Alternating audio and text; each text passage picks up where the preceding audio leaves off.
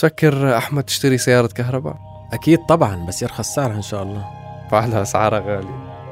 والله ليك في أخبار كثير عم تقول إنه يعني حتصير بالغصب لازم تشتري كهرباء. أصلا ما عاد في خيارات. ماشيين في طريق الاستدامة. حلقة اليوم حنحكي عن كثير أخبار. مركز الأخبار من أخبار الآن. معكم وليد هنيدي. وأحمد العموري.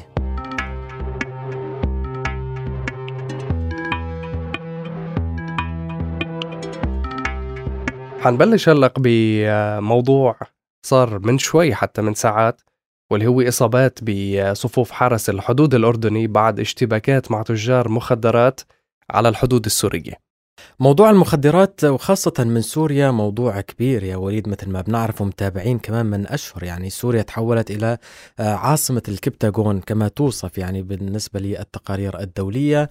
آه، بيقول لك أنه في مصانع للكبتاغون داخل سوريا على الحدود اللبنانية السورية.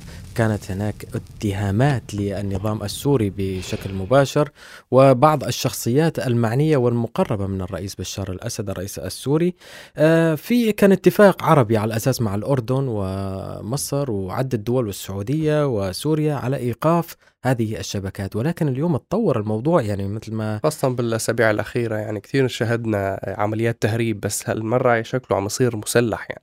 مسلح معناها هذه يعني آه، عصابات عابرة للحدود وعابرة للقارات يعني مثل ما بيحكوا وبعدين هي مردود مالي ضخم. بالفعل يعني خاصة بالوضع الاقتصادي الصعب اللي عم تمر فيه سوريا حاليا.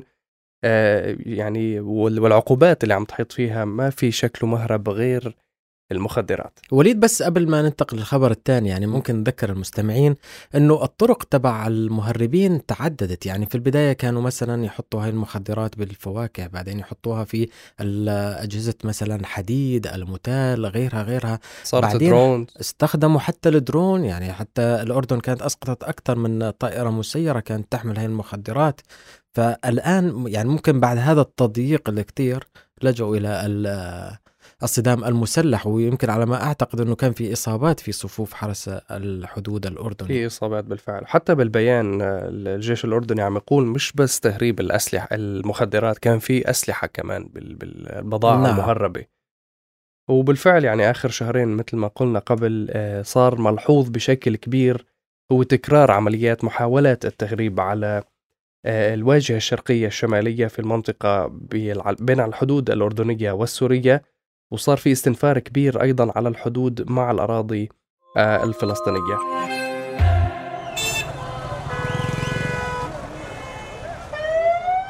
على سيرة ال- الحدود الأراضي الفلسطينية إسرائيل وحماس عم يقولوا حسب التقارير الأخيرة أنه منفتحين على تجديد المحادثات ووقف إطلاق النار آه، مع استكمال هدنة تسليم الرهائن بال ال- وإطلاق عفوا سراح الرهائن.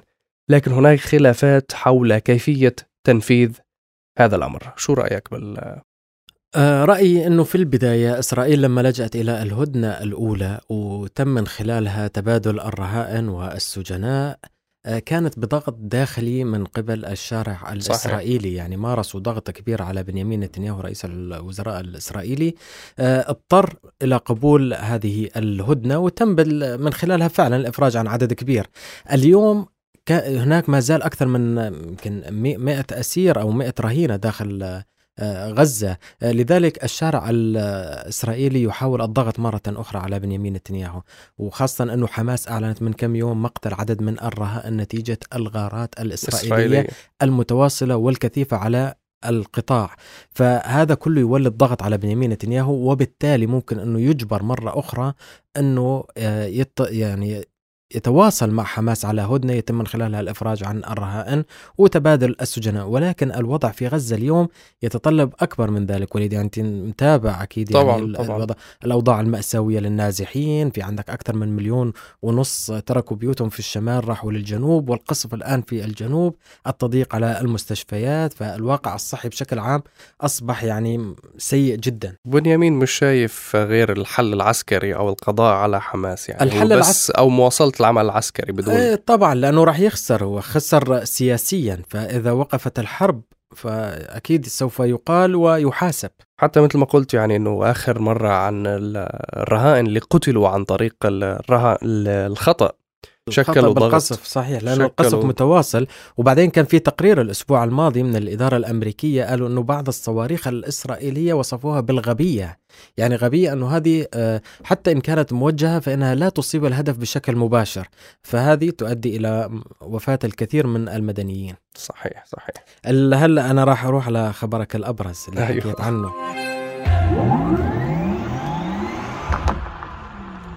السيارات الكهربائية بقى؟ يا صديقي الحكومة الكندية عم تسعى لتشريع قواعد وقوانين تقضي بأن تكون جميع المركبات الجديدة المباعة في كندا رح تكون كهربائية بالكامل بعام 2035 هو أكيد خبر يعني يفيد ال- في البيئة المناخ.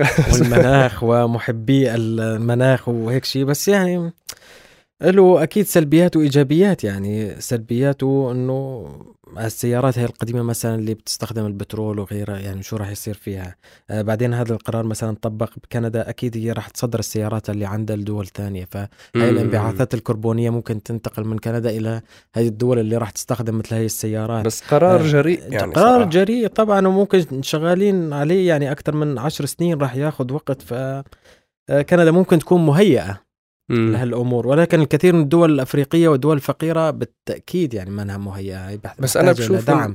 بشوف إنه كمان البلدان هي ال- بالأوروبا يعني بحس إنه هي لازم بالفعل تسبقنا تسبقنا نوعا ما بهاي الحركات لأنه هي أكثر دول الانبعاثات الكربونية عم تصدر منها. طب هي الانبعاثات بس من السيارات؟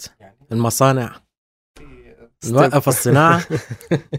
أكيد نحن مع البيئة وحماية المناخ والحفاظ على البيئة وحمايه الكوكب بشكل عام ولكن بعض الخطط لازم يعني لازم تكون مدروسة هلأ يعني أنا كتير. بعرف إنه في النرويج يعني كانت عم تعمل تسهيلات. يعني أنت إذا ناوي تشتري سيارة كهربائية بالنرويج يعملوا لنا هلا السيارات غالية كثير وليك. فهي تعمل لك قرض إنه بتساعدك فيه وبيكون كتير مخفف بالشروط. بس إذا حابب تشتري سيارة كهربائية بس إنه فورا هيك يقطعوا السيارات. خلاص 2035 بس سيارات كهرباء عندك ما ما عاد في خيارات تانية.